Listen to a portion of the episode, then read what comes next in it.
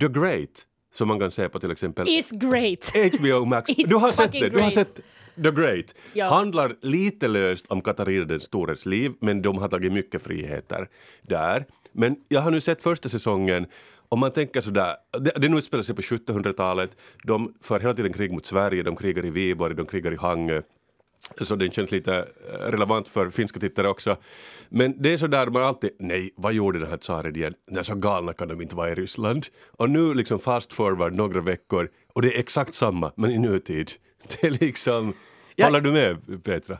Eh, inte riktigt. Ja, alltså jag hoppas, jag har sett, eh, det finns två säsonger va? Det finns två jag har sett den första säsongen och den där, presi- nej inte president. Tsaren. Tsaren.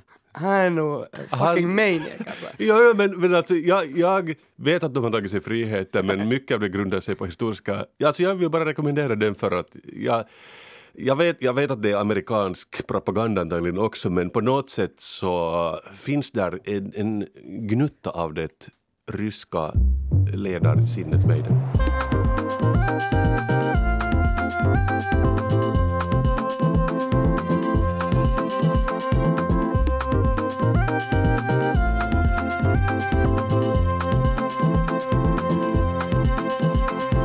Välkommen till Sällskapet, en kulturpodd med samhällsperspektiv. Jag heter Kia Svetihin, med mig har jag Kasper Strömman, hej. Hej! Petra Laiti, hej. Hej hej. Hur står det till med er? Eh, Jo tack. Jo tack. Helt, jag har helt jättetoppen. doomscrollat i en vecka. En är glad, andra är, är oroad, eller? Uh, nej, jag eh, värnar om psykisk hälsa och jag kan gå en dag utan att scrolla, tackar som frågar. Okej, men Petra, du, Eh, du, du kan inte. Du har scrollat. Jag har scrollat. Men Ja, vi ska inte prata om dig då. Vi ska inte prata om att scrolla. Jag ska prata om hur en tv-serie banar väg för en politisk karriär som ingen hade kunnat förutse. Jag pratar alltså om Volodymyr Zelensky som blev vald till Ukrainas president utan politisk erfarenhet. Men före det här så spelade han en karaktär i en tv-serie om en president som inte hade någon politisk erfarenhet. Så vad jag ska göra är att jag ska berätta åt er en historia som är så orealistisk att den endast kan hända i verkligheten. Petra, vad ska du prata om? Jag ska inte spoila. Åh, Nej, alltså jag ska, jag, jag ska tala, tala om spoilerkultur och, och hur den på ett sätt warpar sättet som vi producerar uh, popkultur och tv-serier. Så intressant också att du hade en dad joke. I början. Jag älskar dad jokes. Uh, da, the dad. Uh, Kasper. Kallar du mig just för daddy? Det är Kasper. obehagligt. Nej, jag vill ta om det här. Kasper. Kia Petra, jag kan berätta att jag kommer att trampa många människor på tårna idag. Oj, oj, oj vad det kommer många arga brev. Antagligen till dig Kia, för jag kommer att prata om hundar idag. Yes. Och det gör folk rasande. Kom ihåg, ni får klaga. får klaga på våra ämnen. Ännu för några år sedan så spelade Volodymyr Zelensky rollen som president i tv-serien Folkets tjänare Sluha Narodu. Nu leder han motståndet mot en av världens största arméer. Och under de senaste dagarna så har också allt fler fått upp ögonen för den här Volodymyr Zelensky, speciellt hans otroligt orädda uttalanden och hans kamp. Liksom det är som David som är Ukraina och sen är Goliat Ryssland och, och liksom hela den här Ukrainas kamp för frihet tycker jag i varje fall det är helt så här mindblowing och jätterespekt ingivande. Men jag måste ju börja med att fråga Petra, kände du till Zelensky innan kriget bröt ut? Uh, jo, jag hade sett nyheten då när han blev vald. För jag kommer ihåg då uh, att, att då var ju nyheterna lite som att ja, men vem är det här, någon komiker? Att, att det kommer jag ihåg, men inte har jag följt med före eh, liksom, kriget bröt ut. Uh, för mig är det att under de senaste åren har jag lärt mig saker som jag inte visste att det behövdes som det grekiska alfabetet och också Ukrainas geografi, dess städer och president. Ja, det var en blind fläck för mig före kriget. Всім добрий вечір.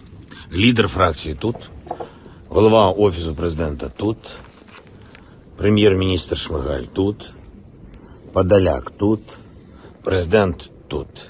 Всі ми тут, наші військові тут, громадяни суспільства. Det här är alltså Volodymyr Zelensky, eh, vilken alltså barytonröst han har.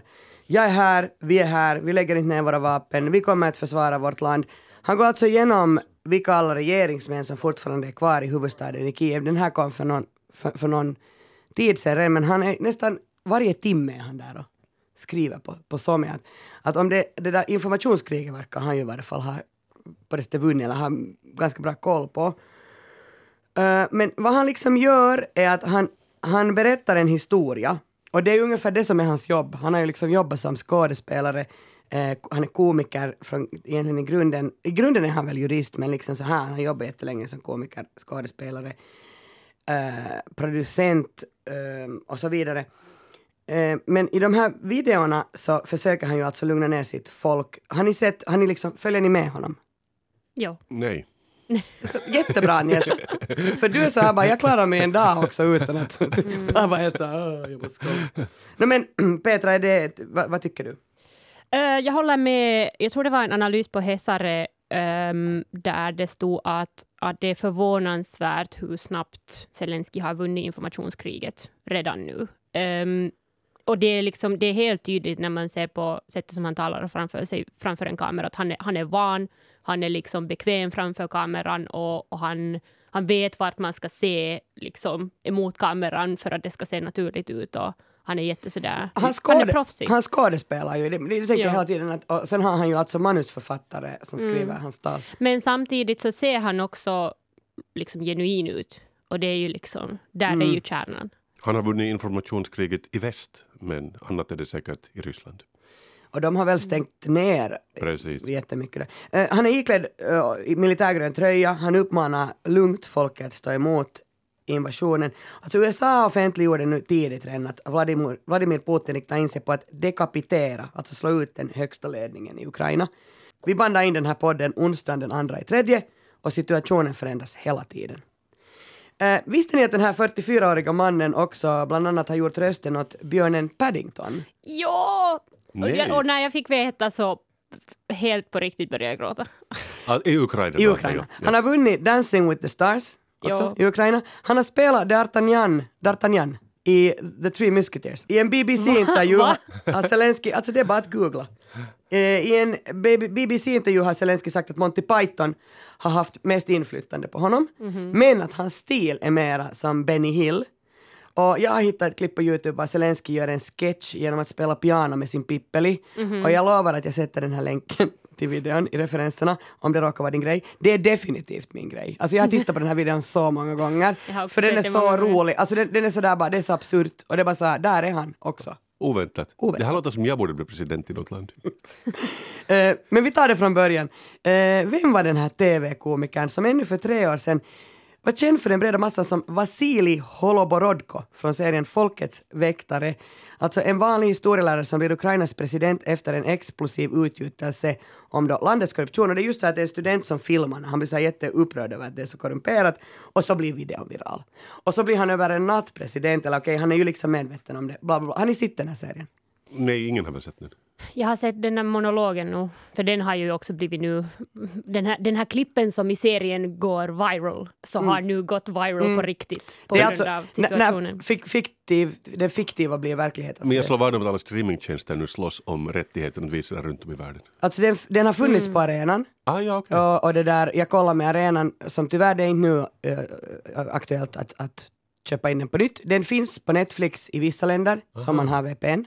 Kan man, men alltså den finns på Youtube och jag kommer att sätta, jag har sett på den, Okej. och jag kommer att sätta nu, äh, i, förstås i referenslistan, äh, den här Folkets äh, tjänares liksom Youtube-kanal.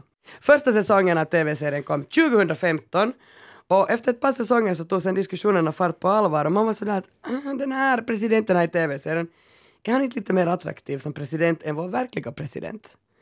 Och så började det gå rykten om att Zelensky kanske skulle kandidera till den här presidentposten helt på riktigt och sen gjorde han det. Och, och liksom med rekordkort förberedelsetid. Uh, och den, när den tredje säsongen uh, kommer så har det gått tre och ett halvt år sedan serien dök upp för första gången. Och den har alltså samlat en mångmiljon publik. Det bor 40 miljoner människor bara i Ukraina. Jag menar, och den har inte bara visats i Ukraina, den har också visats i, i, i grannländer. Och till och med i Ryssland. När den tredje säsongen inleds så får vi blicka 30 år in i framtiden. Vi är liksom då i Kiev år 2049. Och studenterna då läser en kurs i historia och ingen vill nu förstås riktigt vara på den här föreläsningen. Och föreläsaren han berättar om Ukraina i det otroligt avlägsna året 2019. I verkligheten alltså är det här ju samma år som Zelensky blir vald till president. Eh, Men då, i, i, i serien, så står landet på gränsen till ekonomisk och politisk kollaps. Och enligt serien så hade inte någon, eh, alltså man hade ingen aning om att efter det här så tar man, så tar landet eh, ett språng in i en ny tid präglad av högteknologi, ekonomiska framgångar och politisk stabilitet. Så den här levnadsstandarden i Ukraina 2049 i serien är så hög att de här människorna som är med där, så de kan liksom inte alls, de kan inte skapa sig en bild av hur deras landsmän har levt 30 år tidigare. Men det här avsnittet är inte bara alltså, ytterst välgjord samhällspolitisk satir och underhållning. Att det är något mer. För några dagar senare så är det den här första omgången av det ukrainska presidentvalet. Och den person som redan nu leder då opinionsundersökningarna är samma person som spelar president i tv-serien. Det här liksom kommer samtidigt. Eh, folkets tjänare har blivit en aktiv del av Zelenskyjs presidentkampanj och det är jättesvårt för en del folk att skilja liksom på det som händer i serien och det som är på riktigt. Folkets tjänares signaturmelodi görs av populära rockmusikern Dmitri Shurov och den här sången ska ni förstås få höra.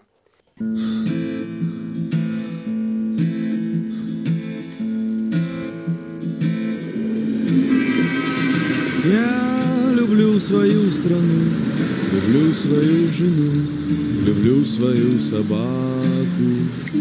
Я всего на свете... Jag älskar mitt land, jag älskar min fru, jag älskar min hund. Jag hamnar sällan i bråk och hela kvarteret vet att jag är dömd att vara folkets tjänare. I vignetten ser man alltså presidenten, spelad av Zelensky, cykla omkring genom stan. Och ni hörde ju det var en sån här pling, eh, det är hans, hans cykelklocka när han, han plingar. Och han är alltså på väg på jobb till regeringsbyggnaden som ligger mitt i stan. Och det är soligt och han vinkar glatt till förbipasserande. Och det komiska i det här inslaget är alltså förstås det att ingen ukrainsk president någonsin skulle kunna tänka sig att cykla till jobbet. I, I riktiga livet använder man säkerhetsvakter i bilar, det är svarta fönster, det är hela kortege som följer med, det är viktiga män. Men den här fiktiva eh, presidenten, så Vasilij Holoborodko, han är liksom jättefumlig och, och klumpig. Och sen är han också sådär alltså lite så här glad att åh, vad alla tittar på mig. Och, och när han kommer fram och stiger av cykeln och går in genom entrén så märker han att han har så här bykknipa ännu fast vid, vid sin kostym. Och, och då tittar han sig så här lite en smula snopet omkring och ser ganska olycklig ut och liksom så märker man, nu går det upp för honom att, att de här som har vinkat och, och pekat, så de, de har ju alltså skrattat åt honom. Uh, att det är liksom inte, det, det är att den här byknippan och inte för att han är en omtyckt president. Och det här är liksom, där har vi honom. Där, där, nu sätter jag liksom, det här är vad, vad han vill, hur han är som president. Det låter som en fullständig utopi, eller också som i Finland. Ser ni inte Sauli som cyklar till jobbet? Det kunde hända. Nåjo, men hej, den här, ehm, jag, har, jag har lyssnat sen på alltså, en kulturredaktör på Sveriges Radio, före detta Rysslandskorrespondenten som Fredrik Wadström har gjort ett alldeles utmärkt reportage om Zelenskyj då han blev vald till president i Ukraina 2019. Och i det här reportaget så har han intervjuat en av manusförfattarna bakom serien, Juri Kostjuk, från produktionsbolaget Kvartal 95. Och han säger att den vanligaste frågan när de skrev eh, då, eh, manus till den här första säsongen som kom 2015 var att folk undrar vilka politiska konsulter har ni använt er av? Eh, vem har ni jobbat med när ni har skrivit manus? Och då sa han att inte en enda. De använde sig inte av några politiska konsulter. Utan istället satt de på TVn förstås. Och, och så tittade de på nyheter. Och så tittade de på politiska debattprogram. Och den vägen fick de allt material de behövde. Nå, sen då våren 2019 så började resten av världen märka eh, komikern och skådisen eh, Vladimir Zelensky. Men för ukrainarna då var han ju känd sedan många år tillbaka. Eh, det var ju inte alls den här, den här Folkets tjänare var inte liksom det första han hade gjort. Eh, han har haft ett underhållningsprogram som hette då humorgruppen Vitirni, Vichirni kvartal, det betyder alltså kvällskvartalet, som är producerat av Kvartal 95, eh, alltså produktionsbolaget. Så eh, på 90-talet när Ukraina liksom är självständig, det har just varit Sovjets sammanbrott, Zelenskyj då är en ryskpratande jude och han och hans vänner växer upp i en industristad i östra Ukraina som heter Kriviri. Och de tävlar i något som heter KVN. Och KVN betyder ungefär det gladas och det fyndigas klubb. Och det här är ett tv-underhållningsformat från Sovjetunionen. Uh, programmet har anor tillbaka till 50-talet och idén är alltså ganska, tycker jag, lika. Det här formatet påminner om mycket vi ser i, i dagens tv. Eh, alltså olika lag ska försöka, försöka komma på roliga svar på frågor som ställs samt framföra sina egna sketcher. Och det här KVN-formatet överlevde Sovjetunionen och har fortsatt att attrahera unga komiker ännu på 90-talet då. Nå, Zelensky han tävlar då i några år i det här programmet och så bildar han ett nytt lag kvartal 95. Eh, och kvartal betyder kvarter, kommer från hans hemst, eh, kvarter i hans hemstad. Och så gör de debut i Sochi vid Svarta havet 1998. Då är Zelensky 20 år gammal, han är alltså 44 år idag, född 1978. Väldigt ung, eh, säger jag. Så mycket äldre än de flesta finska politiker dock. Sant, men, men han är också president. Inte vet jag, nu vet om det har någon skillnad. Mm, kanske vi har en ung president. Nej, han, han är ung för president, visst. Ja. Eh, Efter några framgångsrika år så skippar sen då eh, de det här KVN-formatet, det här Sovjetformatet och sen bildar de då det här produktionsbolaget och produktionsbolaget Kvartal 95 blir gradvis det mest framgångsrika inom underhållningsindustrin både i Ukraina och i Ryssland. Eh, I det här SR-reportaget av Erik Wadström så kommer det då fram att, att uh, produktionsbolaget hade tänkt i många år att vi måste göra tv-satir om det här Ukraina, ukrainska politikerna. Alltså om all den här, att de är så, eh, det är korrumperat och det är maktelitism och så här. Eh, men knuffen kommer ju förstås under revolutionen, vintern 2013-2014. Tre månader av gatuprotester på Majdan, torget i centrala Kiev slutar i ett blodbad, över hundra demonstranter dödas. Och då, då liksom kräver hela ukrainska folket genomgripande förändringar. Man vill ha in helt nya personer i den ukrainska politiken och det är då kvartal 95 är sådär, men vet ni vad, nu gör vi det vi kan bäst. Vi har en tv-serie om nya människor i den ukrainska politiken. Så i november 2015 så är det premiär för det första av 24 avsnitt då om den här his- historieläraren som plötsligt blir president och som inte har någon erfarenhet. Och tittarsiffrorna slår i taket, seriens satiriska budskap plockas till och med upp i den här ukrainska politiska debatten. Att de påverkar så mycket. Då Volodymyr Zelenskyj sen vinner presidentvalet så heter hans parti Folkets tjänare. Alltså samma som tv-serien. Det visste jag inte. Och i tv-serien väljer man, när, när den här historieläraren blir president, så väljer man att överdriva röstningsprocenterna. Det är alltså meningen att det här ska vara roligt, liksom satir, så han får 60 procent av folkets röster. Okej, nu gissar jag mycket mer sen han på riktigt blev president. Vad tror ni Zelenskyj fick när han blev vald eh, 2019? 70. 73 procent av Okej. folkets röster. I tv-serien omger sig historieläraren som president av sina vänner för han litar inte på någon annan. Och därför säger han liksom till sina helt oerfarna kompisar att vet ni vad, ni får de viktigaste posterna i min regering. När, alltså när Zelenskyj vinner valet 2019 så han, han håller sig trogen manuset till sin show och installerar sina vänner. Alltså hans ursprungliga manusförfattare, chefen för hans produktionsbolag, hans advokat, de är på de högsta positionerna i hans administration. I ett annat land kunde det här ses som nepotism, men här fungerar det då. Men det är, administra- det är administrativa uppgifter. Jag tänker att de är ju inte folkvalda, det är ju inte ministrar väl de blir. Nej, och, och inte det så heller att Zelensky har varit liksom folkets hjärtefavorit liksom under hans presidentmandat eller liksom att, att nu har folk också kritiserat honom för de här valen och det är inte liksom icke-problematiskt i Eh, sig. den här, ja, för alltså det, det, hade, det är ju alldeles självklart att, att serien är en språngbräda för hans, för hans politiska karriär. Men helt som du säger Petra, så hans bakgrund är inte helt oproblematisk. Eh, dels har han arbetat med ett tv-bolag som ägs av en av Ukrainas mest, eller liksom rikaste personer, oligarken Ihor Kolom, Kolomoisky. Och det varit liksom problematiskt nog, för då är man ju så här, men vadå, alltså så du, du är liksom understöds av en oligark. Och man funderar också, hur mycket hade han att göra med den här politi- politiken och så vidare. Eh, sen, som jag redan har sagt, han är alltså helt en novis. Eh, då när han blev vald hade han ingen erfarenhet. Och i början var det jättemånga som uppfattade stödet för honom snarare som ett tecken på missnöje mot den sittande presidenten. Det här är CNN som har skrivit det här. Eh, och under tiden vid makten så, så det där har också Volodymyr Zelenskyj fått hård kritik för sin hantering av pandemin. Han har haft pengar i skatteparadis, det här kom fram då med Pandora-läckan. Men sen minns ni spektaklet, uh, Zelenskyj hade varit några månader bara president. Och sen blev han indragen i riksrättsprocessen mot dåvarande eh, presidenten Donald Trump. Kommer ni ihåg? Nej. Nej, vad var det för grej? Det var så att två presidenter som slog igenom som tv-kändisar blev huvudrollsinnehavare i ett politiskt drama där alltså Trump misstänks ha hållit tillbaka militärt bistånd till Ukraina för att tvinga Zelensky att utreda Joe Bidens son. Ah, Det blev så riks... Alltså det blev det impeachment. hade jag glömt. Och där var han med alltså. Just det! Ja. Jag hade inte alls liksom slått ihop att det, var, att det handlade om samma människa. Tänk så lite tid har ändå gått. Och jag tänk så kort tid han hade suttit. Kiva liksom att Trump är sådär att okej om jag inte gör det här så tänker jag så, så, så. så man är bara, jag har varit två månader på min post. Nåja. Anna-Lena Laurén skrev i en krönika i DN att Zelensky samtidigt är på många sätt sån här en klassisk postsovjetisk politiker med sin bakgrund i underhållningsbranschen. Alltså hon menar att det är inte alls ovanligt i Ukraina att kända idrottsmän eller musiker ställer upp i val. Så ur den synvinkel, eh, synvinkeln så är Zelensky egentligen alltså inte ett undantag utan han är regeln. Eh, och det finns ju alltså andra politiker som tar i scenen med storm via underhållningsbranschen. Jag tänker att alltså faktiskt man behöver fundera lite en stund så kommer man på alltså säkert tio. Eh, men jag väljer några. Eh, Guatemalas sittande president, en före detta tv-komiker, Jimmy Morales. Eh, han valdes alltså exakt också av samma orsak. Folket var så trötta på korruption och det här politiska etablissemanget. Att det är oftast det att folket blir trötta på att, att ni bara ljuger och ni skit och sen tar de liksom folkets man. Jag hoppas att Donald Trump är på den listan. Donald Trump är till nästa. det är så självklart egentligen att jag inte ville ha med honom. Jag tycker inte om att nämna honom överhuvudtaget men, men vi måste ha med honom.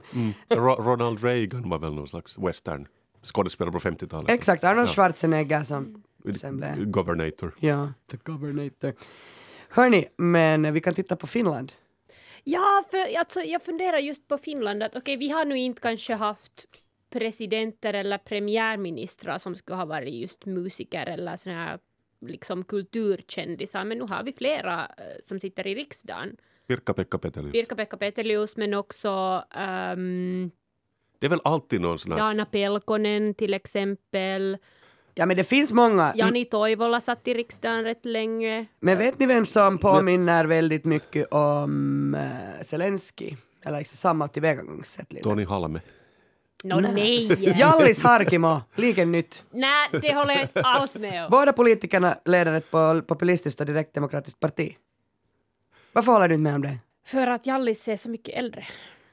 Ja, med ålder kanske, men jag tänker ändå sådär att han har ju också varit i te- att han har ju hållit på med Han, underhållning. ja, han har det, men han har också suttit i riksdagen före han bildade det här populistiska partiet. Men, men det här är alltså en jätteintressant fråga, att blir man en sämre politiker av att man någon gång har gjort sketcher? Ja, att man är rolig. ja, Alltså. Jallis Harkimo var väl aldrig jätte så kom- Han var ju inte komiker, han har nu bara gjort jag vet, ja. Ja. dealy, superdealy, segla över Atlanten. No, men, alltså det, det, men underhållningsbranschen kan vi väl påstå. Ja. Ja. Jag tycker att det handlar mest om huruvida den här politikern i fråga är känd för en karaktär eller är de kända som sig själva på scen. Det vill säga just att har de spelat någon karaktär på TV som, de, som är mer känd än uh, skådisen eller komikern bakom karaktären eller har de liksom framstått som sig själva med sitt namn när de har gjort, säg komedi eller underhållning. Men okej, om, om det nu har visat sig att just den här presidenten har varit ganska bra nu när det blev verkligen äh, bajset träffade fläkten, så landar vi i att folk är individuella och man kan vara en bra eller dålig politiker fast man har gjort något underhållning tidigare. Jag vet inte heller om det handlar egentligen om politik i krigstillstånd längre. Jag tror det handlar mer om um, liksom konviktion till, till landet. Mm. Eller det handlar om så pass fundamentala frågor vid det här skedet att, att jag tror inte vi kan kanske liksom... uh, vi kan inte jämföra Zelensky som politiker och Zelensky som uh, krigspresident. Ja, men det, det han gör är att han, han håller ju folket faktiskt lugnt för han är så, Mm. alltså, så övertygande men han är ju jättebra skådespelare. Ja. Kom ihåg att han var med i De tre musketörerna. Okej, Det pågår en-.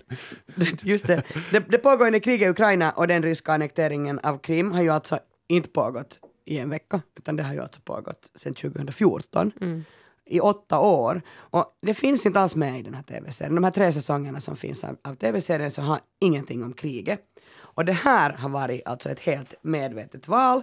Att de, de tyckte helt enkelt den här kvartal 95 produktionsgruppen att man kan inte göra komedi om kriget. Och just nu så står ju Volodymyr Zelensky och, och liksom levererar sitt livs prestation på, på, en, på den här verkliga krigsscenen istället. Och, och det, jag tycker faktiskt att det kanske är det det, det handlar om att Alltså det, han, är ju, han är otroligt modig, men han gör ju det för folket och sen råkar han vara en jättebra skådis.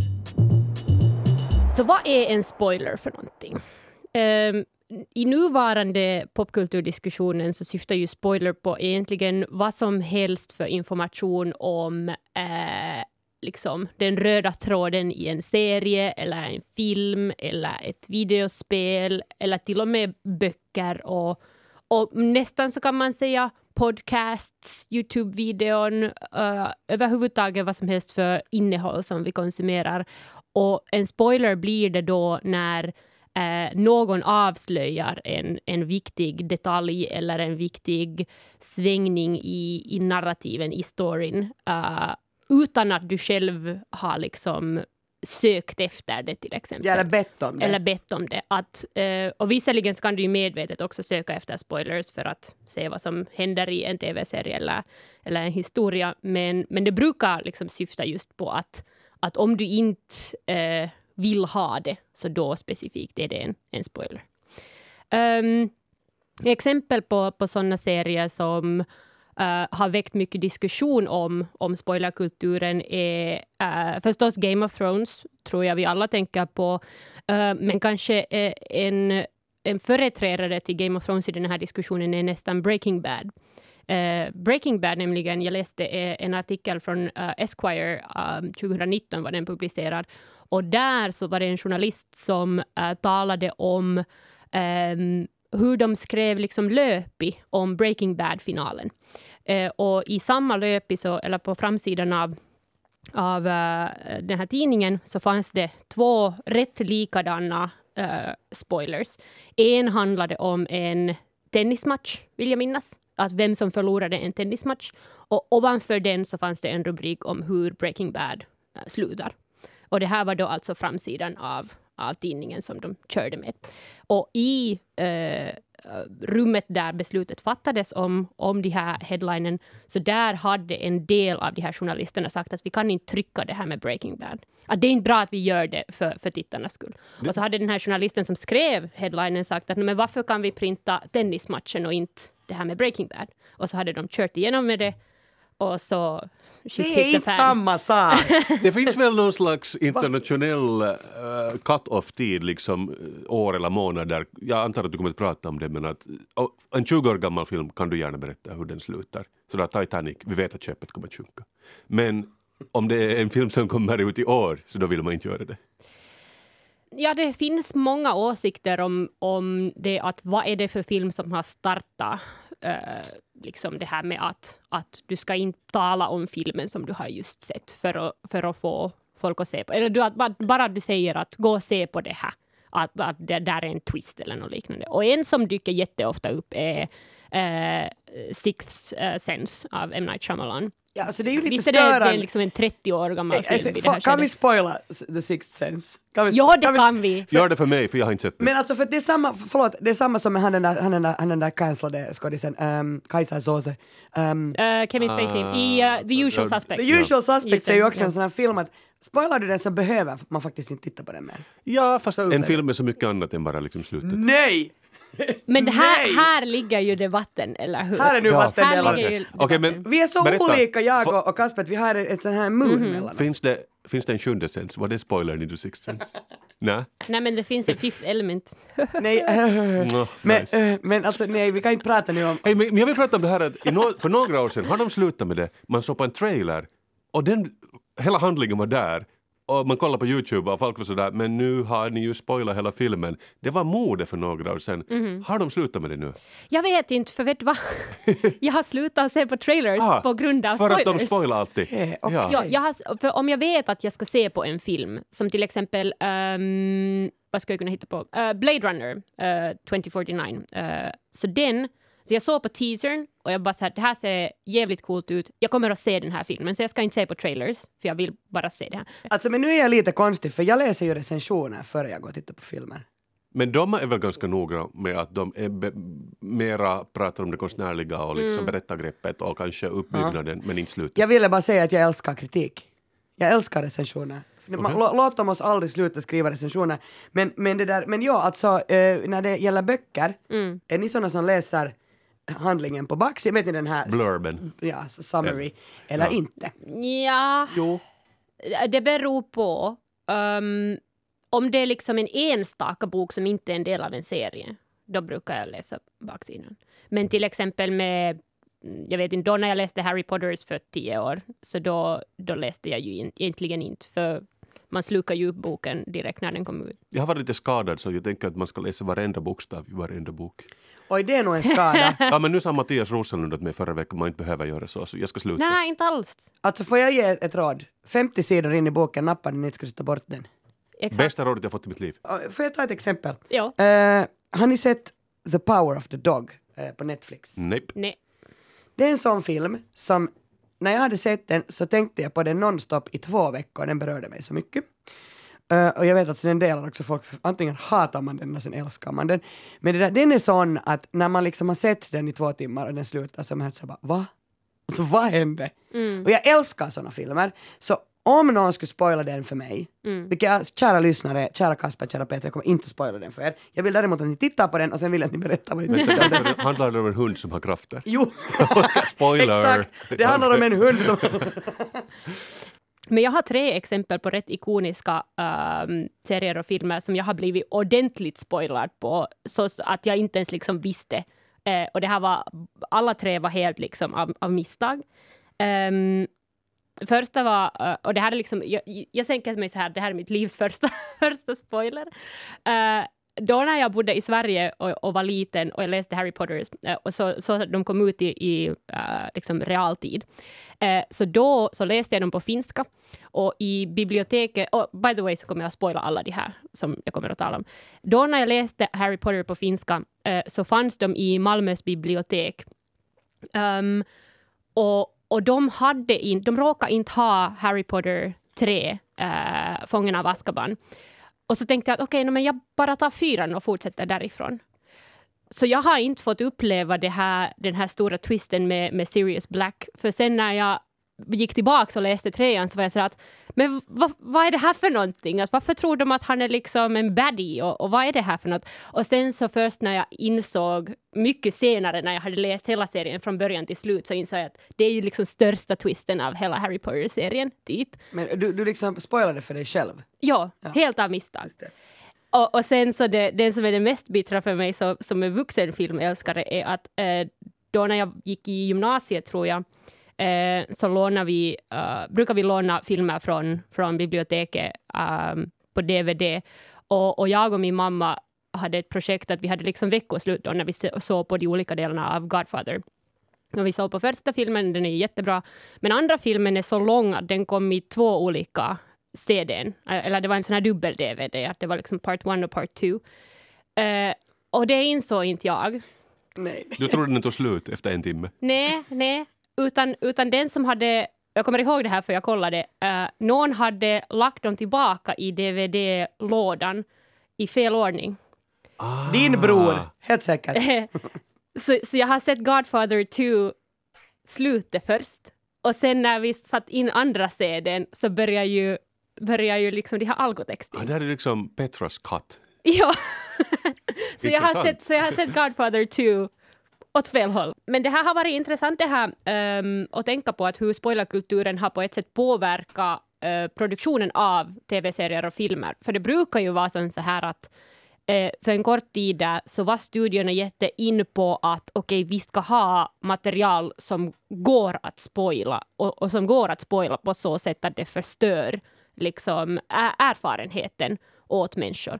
Och, och, och det att man siktar på den här maximala chockreaktionen eh, av tittare. Ehm, Game of Thrones är, igen är ett jättebra exempel på det här med, med Red Wedding och så vidare. Ehm, men det, de, de, de visste ju det inte liksom på, på förhand att Game of Thrones skulle bli så stor som det blev, så de kunde ju kanske inte heller veta att den här spoiler ehm, eller den här liksom påverkningen på spoilerkultur skulle vara så enorm. Men eh, jag hävdar att, att det här med, med spoilers um, så har nog jättesnabbt vänt liksom emot sig. För att, att det som har hänt med många tv-serier mm, är det att uh, när man har siktat på maximal chockreaktion uh, och de här um, såna här twists som på ett sätt inte går att... Uh, hur ska jag förklara det här? Att när man siktar på såna twists som det inte går att förutspå men som ska ha en chockreaktion om man spoilar det åt någon. Så det har ju då orsakat det att tv-serier har haft helt absurda eh, finaler till sig. Eh, en bra exempel på det här, jag vet inte om, om ni har någonsin sett på den här serien, men Pretty Little Liars är en. Vänta, det låter bekant men... Pretty Little Liars är alltså en sån här serie som jag tror det har sex eller sju säsonger. Jag har inte själv sett på det, men det är ett jättekänt exempel på sån här spoilerkultur. För att det handlar alltså om eh, fyra till fem tjejer som har en stalker. Och så finns det dussintals med karaktärer och så utgår den här serien på att någon av de här karaktärerna är den här stalkern. Um, och så funderar man helt enkelt, man försöker reda ut vem hen är. Uh, och, och sista avsnittet av Pretty Little Liars är den sämst ratade episoden i hela den här tv-serien på grund av att de här producenterna försökte hitta en karaktär som ingen skulle kunna gissa att är Mm. den här eh, stalkern. Och så det som hände då, spoiler, spoiler, i, i inte lyssna på det här om, ni- om ni inte vill veta, men det som hände var alltså att de, av alla de här dussintals med karaktärerna som de hade haft under 67 säsonger, så hittade de på en helt ny karaktär för bara sista episoden. Eh, bara för att undvika att Ja. fansen skulle gissa vem det var. Gud vad, vad dålig, alltså det var en dålig manusförfattare. Eh, no, eller Det hur? var inte Zelenskis manusförfattare, så var där inte. Vet ni vad Ja. jag tycker är ännu värre? Det har jag pratat om förut i den här podcasten att man gör sådana serier nu som inte har ett slut. Eller det slutar Mm. hela säsongen i en cliffhanger för de vill lämna dörren öppen för säsong två och liksom få pengar. Det är ju det som eh, Marvel också gör med sina filmer. Ja, Och Marvel gör ju också det att, att eh, det var ju ett känt exempel i, i Infinity War och Endgame att de berättar ju inte åt sina skådespelare att vem det är som de spelar med i sina scener för att de här skådespelarna inte skulle av misstag spoila de här filmerna på mediaturnén. Vilket jag tycker är helt absurt. Eh, men det som jag tror också, det som jag tycker själv är, är bra med det här är att eh, det tycks vara som så att serierna har återgått eh, ganska långt i det att, att man lägger ut alltid bara en episod åt gången. Och att man har slutat med det här att, för, för en stor del, att man lägger ut en hel säsong av material. Eh, eh, stör det er? Alltså, var, var står ni här? Tycker ni att det är bra att det kommer en, en, ett avsnitt i veckan? Eller, eller ska man lägga ut allt alltså det här är väl bara marknadsföring för att du ska vara, betala för den streamingtjänsten så länge som möjligt. Mm. För om du lägger ut alla på en gång så kan du titta med alla och säga upp din. Så att jag tror att det handlar mest om det och jag har ingen skillnad. Men, men om inte man är cynisk och tänker marknadsföring utan man tänker på sig själv så stör det er att det bara kommer till exempel då när And Just Like That kom så kom det ju då en i veckan. Passar min tittarrytm. Mig också, men egentligen så... Jag tror inte jag har en serie som jag skulle följa i realtid just nu. Så för mig har det inte på det sättet en skillnad. Men, men det som har en skillnad till mig är just det att, att huruvida den här publiceringstakten påverkar spoilerdiskussionen kring det. För jag konsumerar jättemycket popkultur och, och läser om det och, och, och jag hänger på Reddit och på Youtube och, och social media. Så för mig är det, gör det liksom erfarenheten bättre att hela internet inte håller på och spekulerar om den här serien som man inte kan veta om man, om man inte har sett den. Det som jag vill säga nog om, om spoilerkulturen eh, och det att, att huruvida det är bra eller dåligt eller att om man kan gissa ett slut eller vad det nu har för skillnad. Så alltså på riktigt dock, bara för att ett slut av en serie eller en historia är ett förväntat slut betyder inte att det är ett dåligt slut. Mm. Ja. Och om du kla- klarar av att gissa ett slut till en serie så behöver det inte betyda att den där serien har, liksom, är för simpel eller för dum, utan det kan bara betyda också att du har hängt med och, och lagt liksom, märke till serien och vad som händer. Men, men man blir ju helt overwhelmed när man är sådär bara åh, de var smartare än jag. Då blir jag, jag blir faktiskt såhär, tänk att de var smartare än jag, att de Jo, hade tänkt men- ut det så här. Men också, så jag tycker att jag är smart. Så jag behöver inte ha såna serier som är smartare än jag, utan bara såna som är ungefär lika smarta. Jag såg ju en riktigt dålig serie här före jul, The White Lotus, eller hur? Den hatar vi ju. För att Ah, jag tyckte lite om nej, den. Nej, för alla var ju så här, den är så bra, den är så rolig. Men alla per personer var helt förutsägbara, de gjorde ingen personlig resa, kanske hon, den där rika mannens fru. Men liksom, och det att då hände det ingenting. Jag är liksom arg för att jag, jag såg ut den. Nej, men för jag, jag tycker att it's not the destination, it's the journey. Jag behöver inte bry mig om, om var en serie slutar om jag har liksom tyckt om resan dit. Hundar, hundar, hundar! Oj, oj, oj. Jag är Nu, mer av en kattmänniska själv. bra, det här är bra upplägg. Det kommer det bli intressanta diskussioner. För Kia och Petra, jag läser på Yle nu att det är slut på små hundar. Det finns inga små hundar. Om du vill ha en liten hund, det finns inga små hundar. Sounds great. alla ville ha en sån här liten bjäbbig coronahund under de två senaste åren och nu är det brist på dem. För att eh, förut fanns det tydligen som jättekennlar där de födde upp sådär tusen hundar. Nu är de i familjer och de får några hundar. Och alla vill ha dem för att de är så praktiska i stan. Och, men det går inte. Det är flera års eller månaders väntetid nu om du ska ha en, en liten bjäbbig hund. Så går det inte. För att folk har köpt upp dem. Och det finns förklaring till att folk vill ha små hundar är såklart det här att de passar in i lägenheter. Jo. Och det står här att man kan ta med dem till Fuengirola om man bor där hälften av året. Alltså nu är det väl mycket att man inte behöver ta hand om en liten hund lika mycket som en stor. Nu kommer jag alltså att bli skjuten när jag säger sådant. Det är säkert Men nu de- måste ju alltså, jag tänker när man, när man ska köpa hund så, så kollar man ju så här hur mycket jobb är det? Och de mindre hundarna är mindre jobb. De äter mindre, de behöver inte gå så mycket per dag utan de, de klarar sig med mindre för att de är avlade till att vara mindre. Men jag vad är det då? du kan Nej, jag, kan inte så här- säga, jag kan inte säga det. Du kan, Du kan säga här, det för, för min, min teori är att folk vill ha små hundar för att de liknar en bebis. Hej, jag vill höra, vad är din teori? Nej, men jag skulle... No, Jag kan- jag kan inte Petra, säga det. Petra, vi är redan hatade i den här podden för vi vågar prata om hundar och katter. Men vad, men vad är det för skillnad då mellan en liten hund och en marsvin? Ja, Du sov på biologilektionen. Men det finns vissa skillnader. Jo, det finns det. det Jo, men alltså, det- liksom det- det är- upplevelsen. Ja men till deras sätt och lynne, nu har jag ju aldrig haft en mars, ett marsvin men alltså kan du ju jämföra. Visst. Alltså, du vill prata äppel och apelsiner här Håll, nu. eh, jag gillar din attityd, det, det är guld värt från en diskussionsvinkel. Men jag har hört det här från en, en hundägare med en liten hund själv som jag står nära, att för den liknar en bebis, man kan hålla den i hamnen, famnen och vagga den, men det här är en bebis som aldrig blir stor. Om du har en, en, en hund som väger 5-6 kilo och den, den, den är liksom lika stor i hela sitt liv. Det är mycket svårare att ha en schäfer i famnen och vagga den. Och sen måste den gå lång varje dag.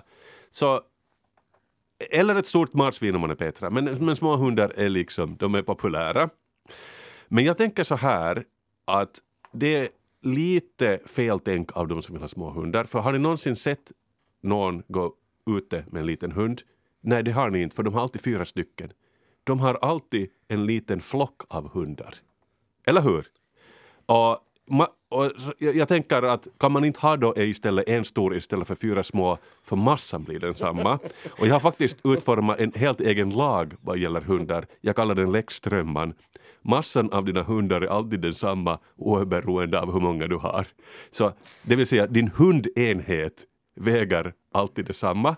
Vare sig gäller en hel flock med bjäbbiga småhundar eller en, som jag kallar det, riktig hund som du går ute med. Det här som jag pratade om, en grej som ni kanske också har märkt, att samtidigt som småhundar blir vanligare så börjar folk verkligen också låtsas att de är barn.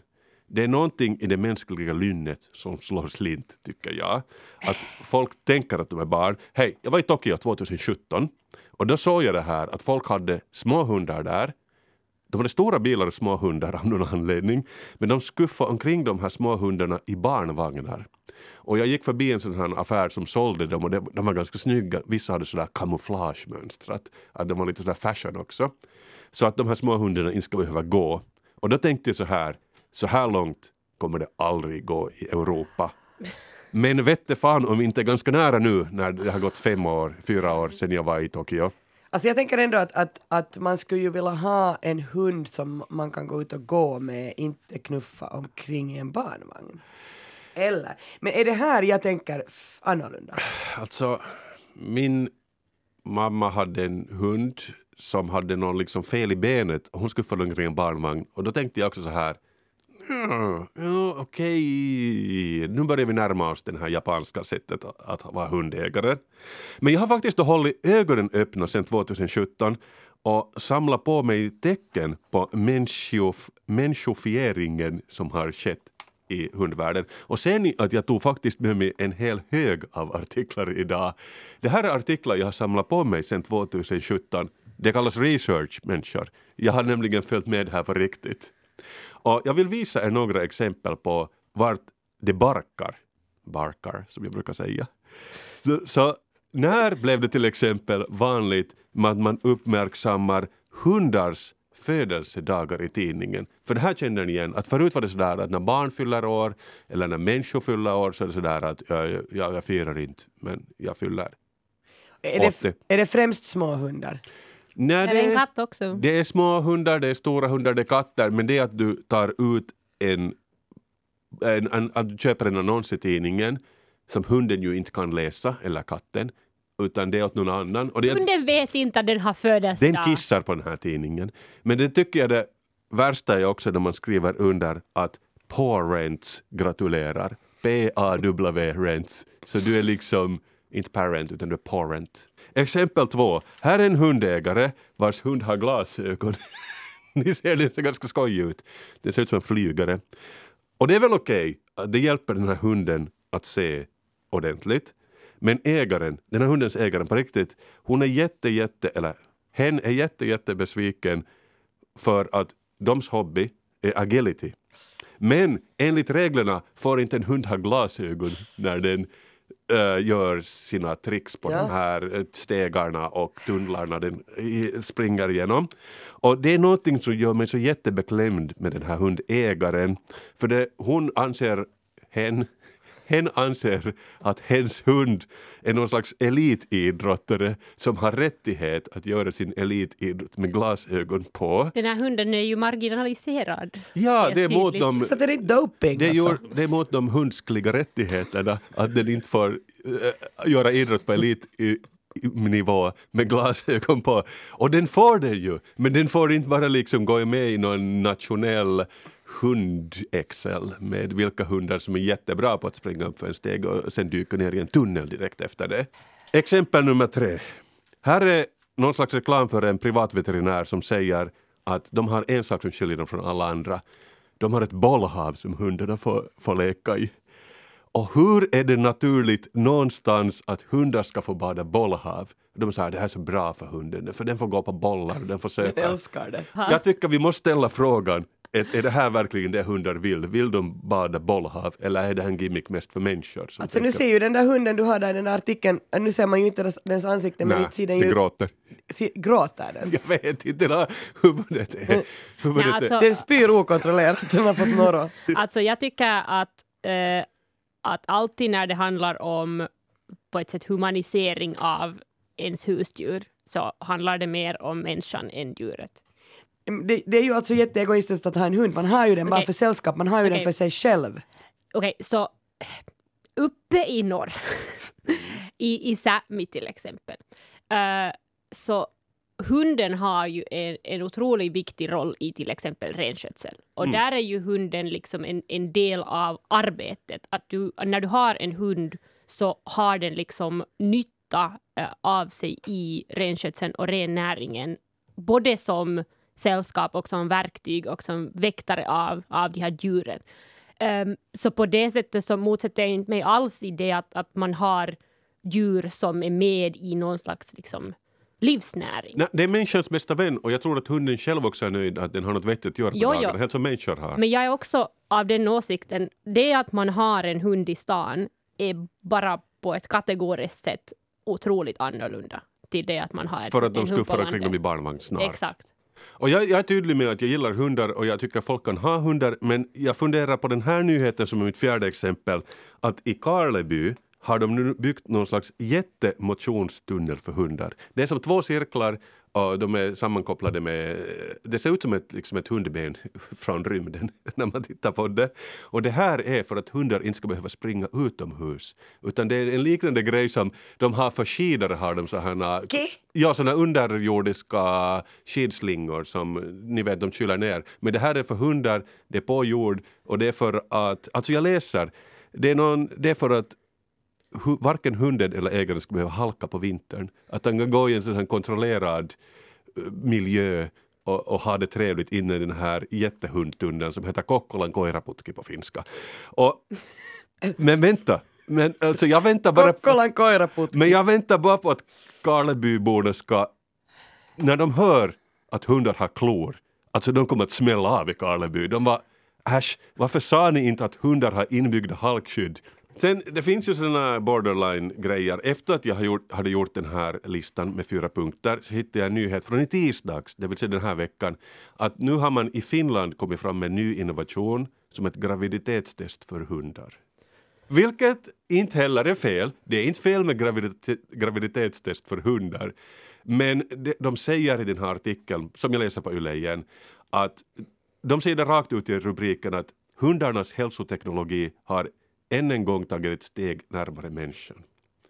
Så att eh, du, ja, man brukar ju säga att en hund är dräktig. Man, man pratar inte ens om graviditet, men här så använder de då det mänskliga ordet graviditet för en dräktig hund. Och hundar kan ju alltså va- vara deprimerade och gå i terapi. Det, Ja. finns ju mycket sådana mänskliga... Ja. När jag var i Köpenhamn, eh, alltså jag har sån hatkärlek för den där stan.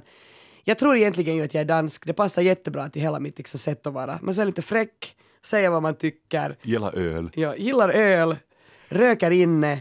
Nej, det gör jag inte. Men eh, man har hundar och hundarna får gå lösa i Köpenhamn. Ja, de får det. Men de ska ju vara skolade förstås. Men det är liksom en jätteannan inställning till hund.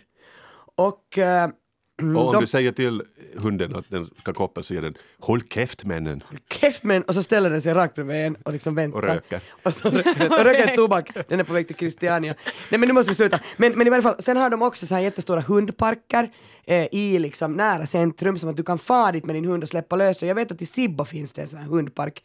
Men det Eh, finns ju överallt. Hundparker finns. Men i, jag pratar om hundskogar nästan. Alltså, i, i, hundparker finns det överallt, men, men liksom så att du kan fara till en skog och släppa lös dem och så får de springa. I, i, ja. no, anyway, jag tycker att det här är jättebra. Eh, det är nämligen så att hunden jag, vill, jag skulle vilja köpa är givetvis inte en sån här liten som jag kan knuffa omkring i. Utan jag ska ha en sån här Bortsoj. Och Bortsoj är rysk vinthund. Och de är alltså enorma. De är Alltså den som springer 80 kilometer i timmen. Jo! Ja. De, de är alltså, Now googla, we're talking. googla Bortsoj. De är alltså 85 cent äh, äh, hane. Oj. Så, så, ehm, och de behöver otroliga mängder äh, motion och de hårar en massa och de äter jättemycket men de är en persons hund. Suits me för jag är så ego, jag vill ju alltså ha en vän. Go Men- for it. Kanske jag ger upp och jag lägger mig platt inför det här med hundar som människofieras. Men jag tänker så här att kanske jag då borde komma på någon egna grejer så jag kunde bli rik på kuppen. Om, om vi nu ser att det här är ett samhällsmönster som håller på att bildas. Så jag har försökt komma på lite innovationer för hundar som antagligen inte finns ännu. Jag har tre, tre idéer. Det här, är- jag kallar den här listan Kaspers hundinnovationer. 1. Happy Meal för hundar. Att man köper en påse hundmat så får man en liten plastleksak med den där hundmaten, en Happy Meal. Och för att det är så big business med leksaker. De här, jag tänker också hundmat nu, det är som bruna briketter, lite tråkiga, sugarcoated. Jag tänker så här socker på och sen en Happy Meal. Människans bästa vän kommer att bli ännu bättre vän efter att de får liksom sockrade hundbriketter med en Happy Meal så att de får sina små grå hjärnceller igång lite efter att, på maten. Det är som att ta en after eight och kaffe efter maten. Att få en, för en hund. Kaspers idé nummer två. Snabb mode för hundar. Jag tänker så här att okej, de har redan nu kläder men vi kan trappa upp takten så att de inte hundarna ska behöva använda samma plagg två gånger. För sånt tycker jag är äckligt. Alltså, jag tycker att vi ska införa lite fashion i hundvärlden. För vi vill ju inte att människans bästa vän ska gå omkring och skämmas, eller hur? Han går omkring i någon kläder från 2010. Och det här, det här är min bästa idé, jag sparar den till sist. Elskotrar för hundar. There you go. Ja, jag tror på det här. Så de inte behöver gå så mycket. Nu är det ju bevisat att hundar, de tycker inte om att gå ute mera. De, utan små tassar och, och tunnlar och uh, you name it. Så jag tänker, det är ju lite samma som för människan att gå jobbigt. Så tänk elskoter, men i mindre format. Så att sån där hundvänlig elskoter. Ni har säkert sett den här memen, eller liksom skämtbilden som har cirkulerat det är liksom 10 000 år sedan, en hund som närmar sig en lägereld och så tänker att vad är det värsta som kan hända?